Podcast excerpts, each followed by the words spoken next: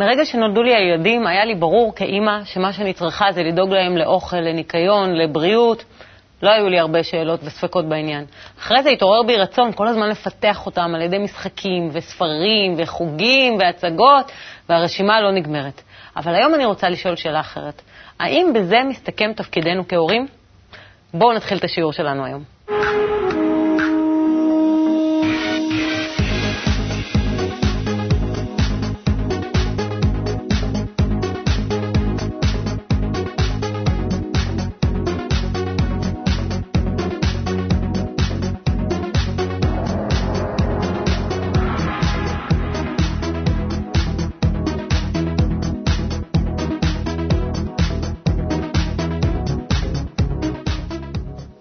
שלום גלעד. שלום טלי. אז בתור אימא הבנתי מה אני צריכה כבר להקנות להם ככה בשוטף. אבל האם יש משהו אחר שצריך לתת להם בנוסף? אני חושב שכמו כל חיה אחרת בטבע, גם אנחנו כבני אדם צריכים להכין אותם לחיים, להכין אותם לחיים האמיתיים שאיתם הם אה, אמורים להתמודד. אה, ולהסביר להם, לתת להם תשובות, לתת להם אה, לפחות כלים להבין וללמוד ולהמשיך וללמוד הלאה. כי אין ספק שהילדים שלנו ימשיכו ללמוד ולהכיר דברים שאנחנו לא נכיר. אז uh, מה שאנחנו יכולים לתת להם זה את כל הניסיון שלנו ואת הכלים איך להמשיך וללמוד את החיים. וזה תפקידנו, לתת, uh, גם להסביר להם מה אנחנו לא יודעים, ולפתוח את זה גם בפניהם, ולהבין ולתת להם את האפשרות להמשיך ולחקור איפה שאנחנו הפסקנו או לא הצלחנו להגיע. יש איזה חשש אבל בתור הורה לבוא מהמקום הלא יודע. אה, ודאי שיש חשש, החשש הזה קיים אה, בגלל האגו שלנו, כי אנחנו רוצים אה, להיראות, נדמה לנו שלהיות סמכותיים והורים וגדולים משמעותו לדעת הכל. אבל זה לא נכון. בפירוש ילד יבין את זה ויכיר אפילו תודה על כך שהורה יגיד לו, תראה, אני לא יודע. אבל יש כאלה שאומרים ככה וכאלה שאומרים ככה וכאלה שאומרים ככה, ובוא תמשיך ותחקור בעצמך. הילד יקבל את זה נהדר. הבעיה באמת מתחילה כשיש כל מיני שאלות שהם, אה, שאתה נתקע איתן, כל מיני שאלות מהות כאלה, שילד שואל ואתה נתקע ואתה לא יודע אם אתה זה שאמור להעביר לו את הכלי הזה גם. אה, כאן כבר באמת השאלה מאיפה ההורה מגיע, עד כמה הוא בעצמו חקר ובדק את הנושא שעליו מדובר. כי אם ילד שואל שאלות כמו מה קורה אחרי המוות, או מאיפה באתי, או לאן אני הולך וכן הלאה, ההורה צריך לענות לו את התשובות שהוא יודע. ו, וגם, ובמקרה הזה, אם הוא לא יודע, להגיד לא יודע. ואם במקרה יש לו הורה שגם למד והתפתח והגיע לאיזשהו מקום שיודע תשובות לזה, אז להגיד לו את מה שהוא מכיר. כן. טוב, בוא נראה איזה שאלות שילדים שואלים, ומה יש להם להגיד על זה.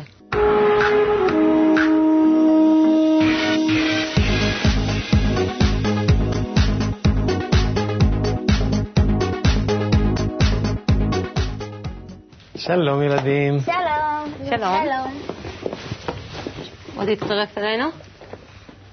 מי נמצאים איתנו היום? הם נמצאים איתנו שיינה? שיינה, כן. בת כמה את? עשר. אסתר? תשע. בת תשע. ועמית? עוד שבוע. ואני גלעד בן 40.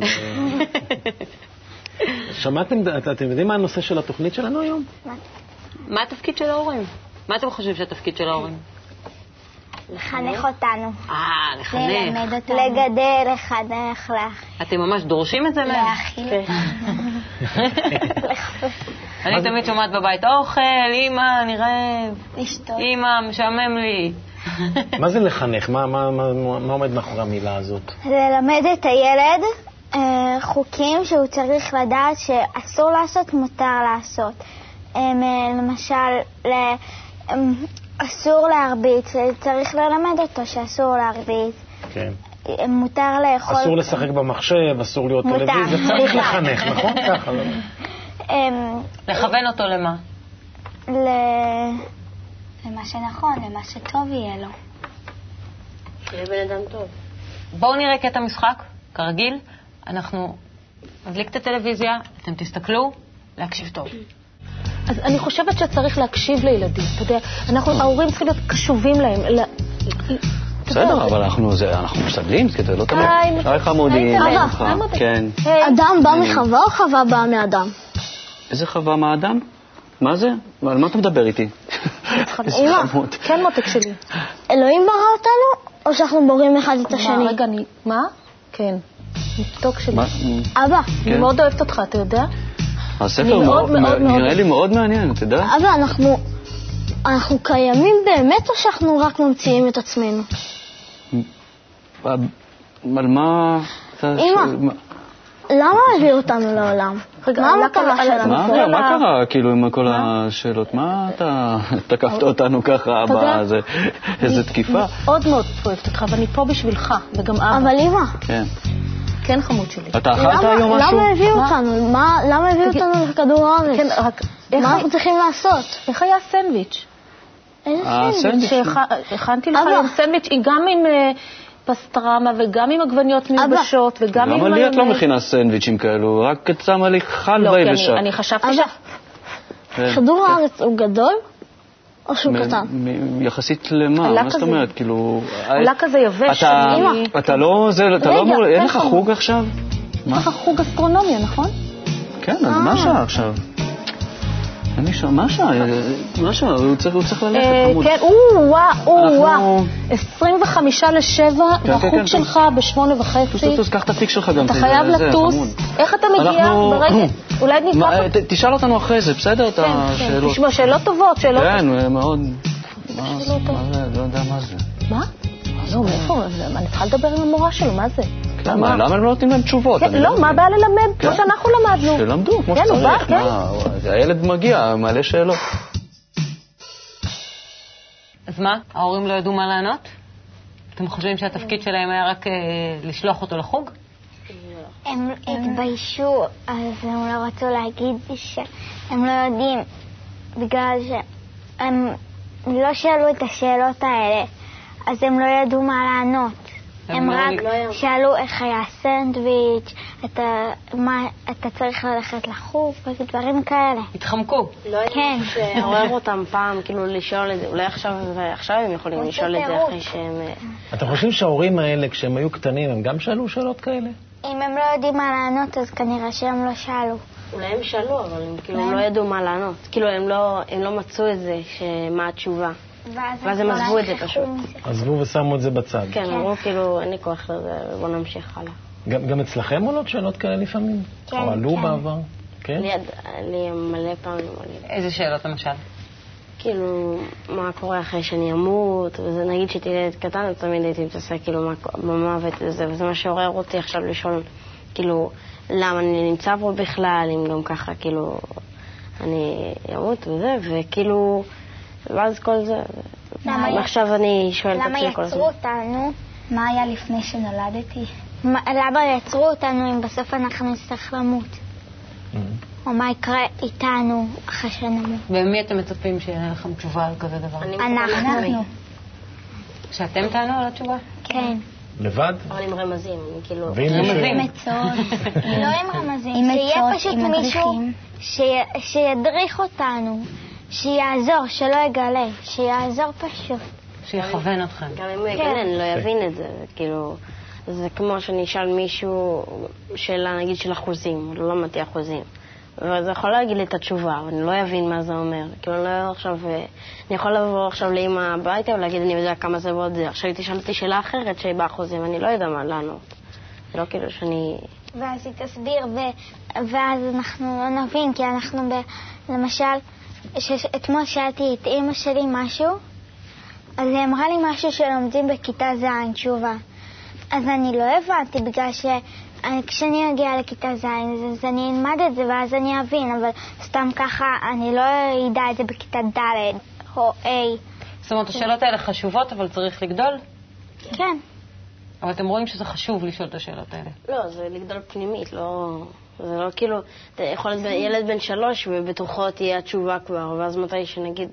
ואז כאילו אחר כך הוא יכול לחשוב על זה, כאילו זה לא, אין שום קשר, זה גם יכול מישהו, איש בן 80 והוא לא ידע עדיין את התשובה. כמו ההורים האלה, הם היו גדולים, הם עוד לא ידעו את התשובה. אתם חושבים שרק רק אצלכם, או אצל מי שהיו היו שם בהצגה הזאת, אה, עולות השאלות האלה? שזה עולה אצל כל ילד? כולם, כל העולם. גם אצל ילד, נאמר, שנולד ביפן, או באפריקה. לכולם יש את זה בפנים. כולם ואם יש לו צבע עור אחר או דת אחרת? כן, כולם, לכולם יש את זה, אבל לא תמיד מעוררים את זה. השאלה הזאת מסתדרת עמוק בפנים.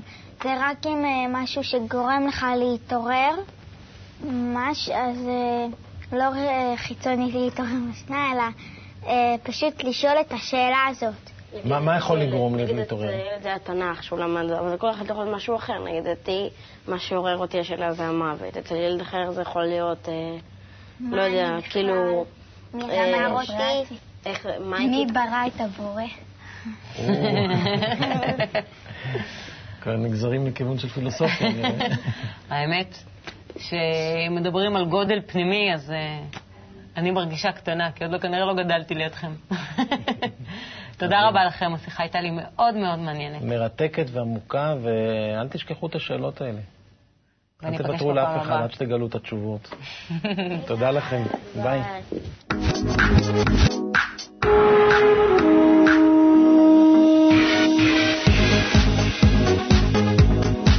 איתנו היום שלומית אבני, מאמנת אה, אישית ומנחת קבוצות אה, הורים. היי. איתנו הזוג אה, שרון וכפיר מימון, שיש לכם ארבעה ילדים אמיצים. בני כמה ילדים? אתם אמיצים. אתם אמיצים. בני כמה ילדים? הגדול בן אה, 11, יש לנו תאומים בן ובת בני שבע, ותינוקת בת ארבעה חודשים. אז מה אתם חושבים על אה, מה שראיתם? מה את חושבת על אה, שאלות כאלה? ביחס. אני חושבת שמה שאפשר לראות פה זה עד כמה הסקרנות הטבעית עובדת.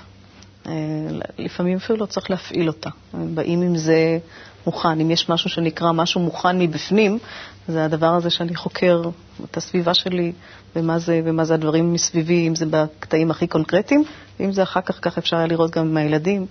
אתה דיברת ואמרת, הנה זה ממש שיעור בפילוסופיה, את היכולת הקוגניטיבית שלהם גם לחשוב שאלות פילוסופיות, שזה לא אה, קורה מיד, זה גם אה, חלק מהעניין. אז זו שאלה, קודם כל כשאלה כדבר טבעי, אה, מעורר סקרנות, ואולי שאלה כדלת לתקשורת, ולא דווקא שאלה דורשת תשובה, שזה גם אה, משהו שיכול לפתוח. שזה לא שילד ששואל משהו, אני חושבת שהילדים היו חכמים ואמרו, התשובות זה לא דווקא אצל האימא ואצל האבא, זה אצלנו. חושבת שהם ידעו משהו על... אה, אתם צריכים מישהו שיכוון אותם. על כן, אני חושבת שבכלל לעזור למישהו, אה, זה לעזור לו למצוא את התשובות בעצמו, ולאו דווקא להשיב. אז זה גם משהו כדאי ככה לבדוק ביחד ולראות מה הוא שואל ומה אנחנו יכולים להשתמש שם בסקרנות הטבעית כדי שהוא ימצא את התשובות בעצמו. או כמו שאמרת קודם, ולא ד- לכל דבר יש תשובה, לפעמים גם ההורה לא יודע. זה גם כשלעצמו modeling מיטיב מאוד, שאנחנו לא יודעים הכל ואנחנו לא החכמים והיודעים. ולא לבוא ממקום שתפקיד ההורים הוא... נכון, לא לראות את זה הוא יותר כתפקיד. לכוון מאשר... לכוון, לשמוע, להיות שם עבורו, לעזור לו למצוא, ואז אנחנו כבר עושים גם את המשהו הזה ביחד, והועלנו אולי יותר מאשר להגיד לו, כן, אני יודע, ותכף אני אומר לך. אתם הזדהיתם עם משהו שם? הכל אינטואיציות, הכל אינטואיציות, אתה מרגיש שאין באמת... אה, הילדים מבולבלים, ההורים אה, לא פחות מהם. ואין להם ברירה אלא לשחק אותם מבינים. לומר ש... או בהסחת דעת. או בהסחת דעת, או להסיח את הדעת כמו שראינו שם בזה, ואני חושב שהילדים הם האמיצים באמת. הם שואלים את השאלות שאנחנו הדחקנו אותם, ואני מקווה בשבילם שהם לא ידחיקו אותם ובאמת יתמודדו איתם, מכיוון שאם לשאלה יש תשובה ואם יש אמת, אז היא אמת אחת. אתה מנסה לחתור ולשאול באמת השאלה. ואני חושב שהעולם עייף, כבר אין, אין באמת תשובות. אתה... כל אופציה וכל אלטרנטיבה של חינוך, אתה לומד אחרי כמה שנים שזה לא נכון, מקימים אה, אה, רעיון חדש, וגם שם שוגים. אנחנו בעצמנו, אה, אני זוכר את השיחות שלי ושל אשתי, איפה נחנך את הילדים, אז אולי זה לא כאן, ואולי בית ספר דמוקרטי, ואתה אתה לא יודע מה לעשות. וואו, גם אני הייתי שם. כן? במיוחד בילד הראשון. אה. תמיד זה מתקיף אותך, אחרי זה זה כבר... אה, אתה מבין שהכל אותו דבר. כן, אז ילדים מתוסכלים, וההורים מתוסכלים. צריך להגיד את האמת, ההורים גם מתוסכלים, אז הם מוצאים את הדרך לומר את זה, ולפעמים הולכים אה, להתייעץ עם כל מיני אה, פסיכולוגים ועם כל מיני אנשים, ו... ולפעמים גם מתבלבלים מהם. אני... אם יש תשובה, היא צריכה, להיות, אה, היא צריכה להיות אחת לשאלות האלה. ואם אין, אז להישאר באפלה. או לחקור ביחד, לראות עד איפה כן, אנחנו אבל יכולים לחקור- ביחד לבדוק. לחקור בשאלות. זה חקירה אינטואיטיבית, מי, מי יגיד לי? אדם שהולך ולומד, אה, לא יודע, אולי פסיכולוגיה, או אולי קואוצ'ינג, לא שחס וחלילה אני אומר, אני אומר, אבל לחקור זה דבר, זה, זה, אם זה אינטואיציה של מישהו, יכול להיות שהוא שוגה. על שאלות אוקיי. כאלה מהותיות, לבסס אותם על ייתכן שזה שגיאה, זה, זה מפחיד. אז אתה אומר בעצם שיש חשיבות מאוד גדולה שההורה יגיד את ה, מה שאתה קורא, אם יש אמת אבסולוטית, שהוא יגיד אותה כתשובה, ושזה לא יהיה משהו היפותטי ואולי וכנ"ל? זה בעצם לא, מה שאתה אומר? לא, אני אומר שזה מתסכל שאם אתה לא יודע את התשובה. אם אתה לא יודע את התשובה, את זה מתסכל ההורה או את הילד? ש... זה מתסכל את הילד, זה מתסכל את ההורה, מכיוון שאין תשובה. אתה מרגיש שאין תשובה, וכל שאר, אני לפחות, אנחנו עברנו ככה את זה עם, אה, בכמה שלבים. אני לפחות אה, הרגשתי מתוסכל, מכיוון שאתה מגיע ואתה שומע, ופעם אחת זה היועצת, ופעם אחת זה, זה פסיכולוגית, ופעם אחת מאבחנת בתנועה, ופעם שנייה מאבחנת בצורות, ופעם שלישית.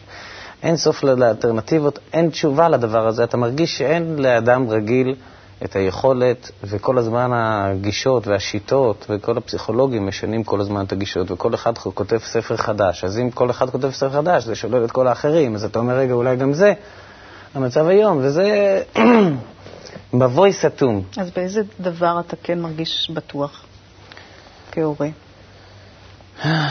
באיזה דבר אני מרגיש בטוח? כן, כי דיברת קודם על משהו באינטואיציה. לא, אמרתי ש... הכל ואתה אמרתי שהכל זה אינטואיציה, אני לא מרגיש בטוח כהורה. לא, לא מרגיש בטוח לא. כהורה. אני, ככל שאני שומע יותר דעות, Mm. וככל שאני...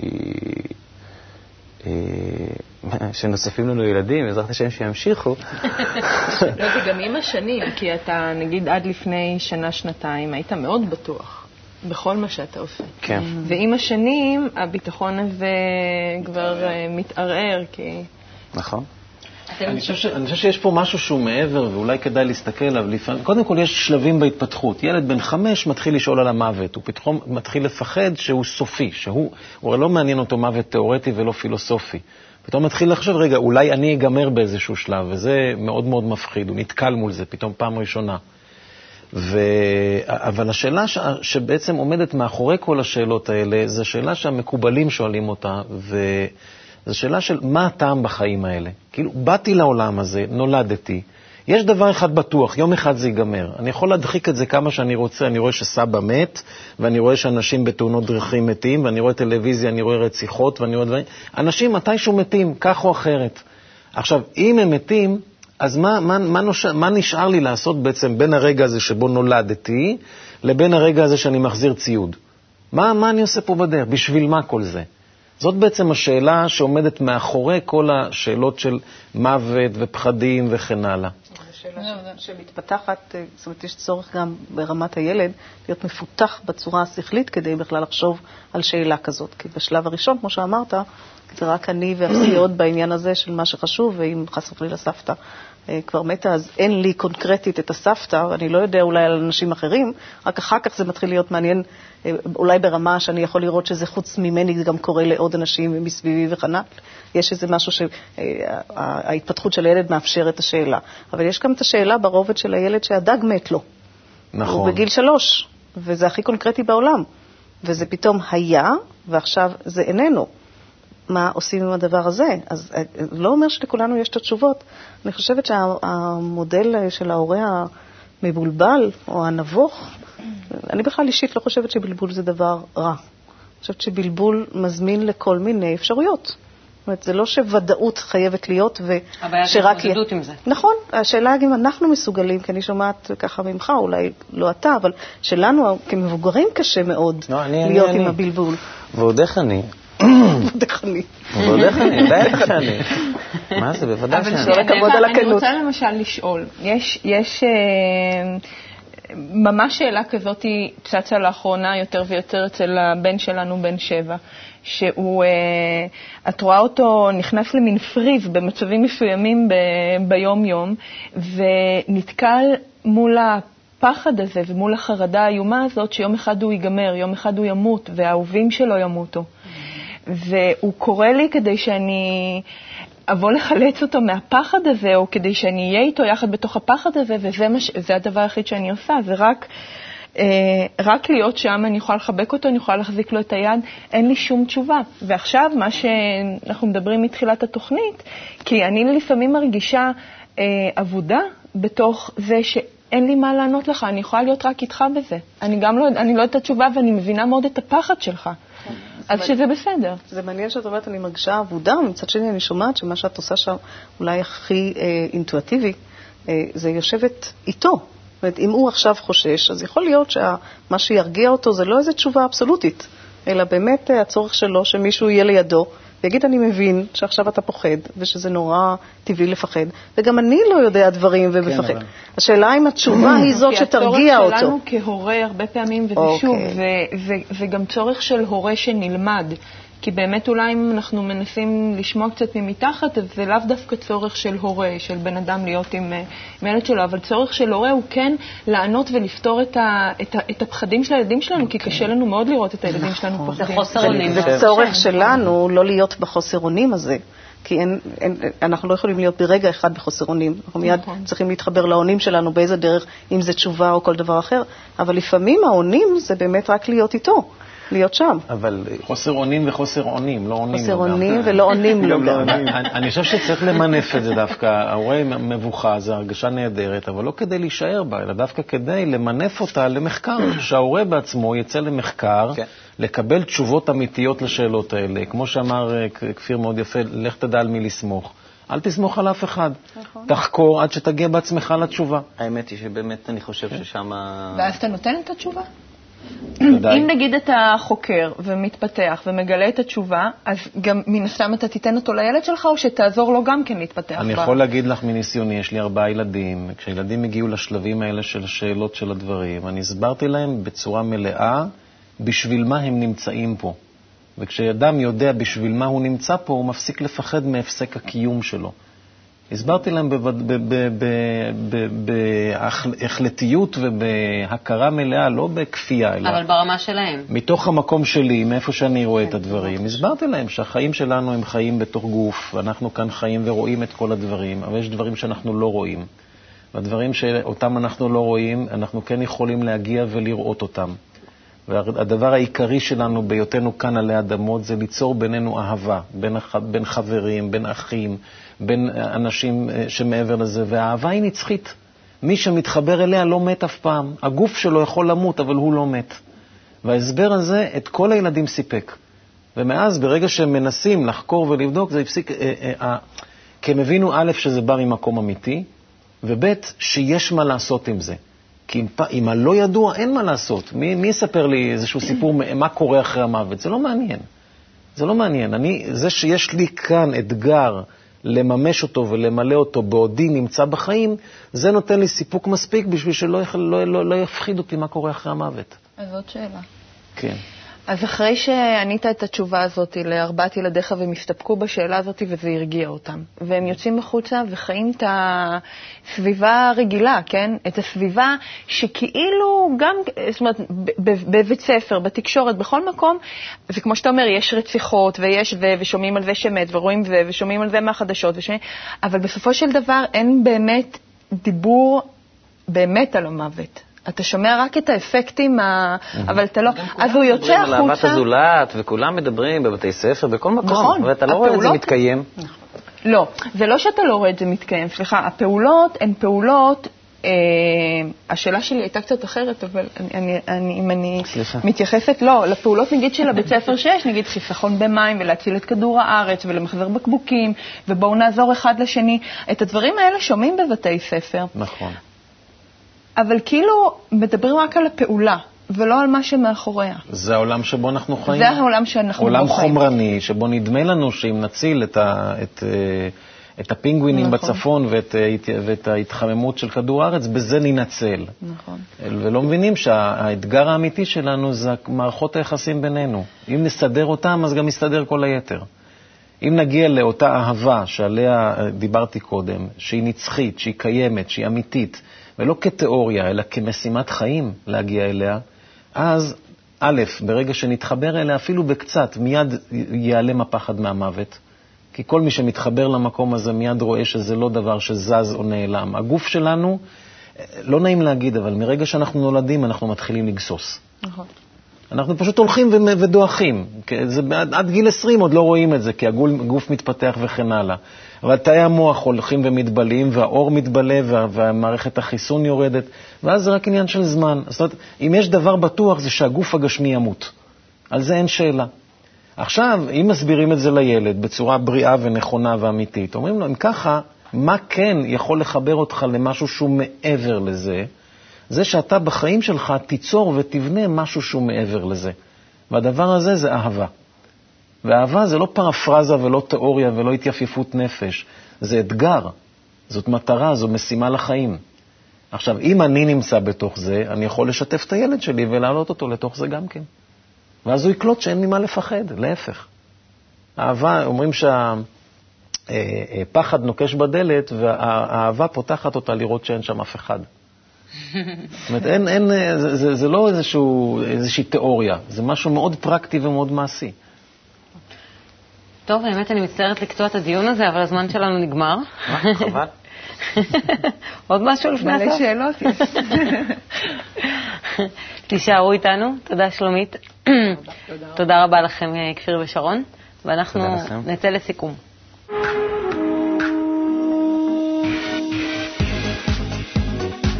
טוב, אז משאלה על תפקיד ההורים, אה, עברתי למצב של אהבה, שחשבתי שאני יודעת מה זה אהבה, אבל אתה מדבר איתי על משהו אחר. אני רוצה קודם כל להתחיל מהשאלה. החוסר ביטחון, הפחד מהמוות, מה, מה, זה, זה נובע בסך הכל מדבר אחד, מזה שאנחנו לא יודעים את המטרה, לא מכירים בשביל מה אנחנו נמצאים כאן.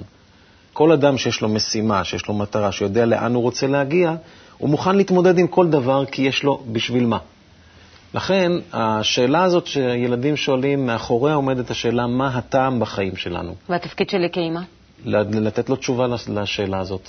לתת לו כלים להגיע לתשובה הזאת. הילדים לתת לו דוגמה מצפים- אישית, שלך טוב מזה שאת נמצאת בחיפוש הזה גם כן. אפילו אם לא מצאת. בעצם זה שאת בחיפוש, ואת יחד איתו בחיפוש, בוא נחפש ביחד, יהיה לנו טוב. זה בסדר גמור, לא... שזה לא, אומר שזה מה שהילדים אמרו, שהם רוצים שמישהו יכוון אותם? נכון. בזה שמסתכלים ורואים ש... ואת זה הם תובעים מאיתנו.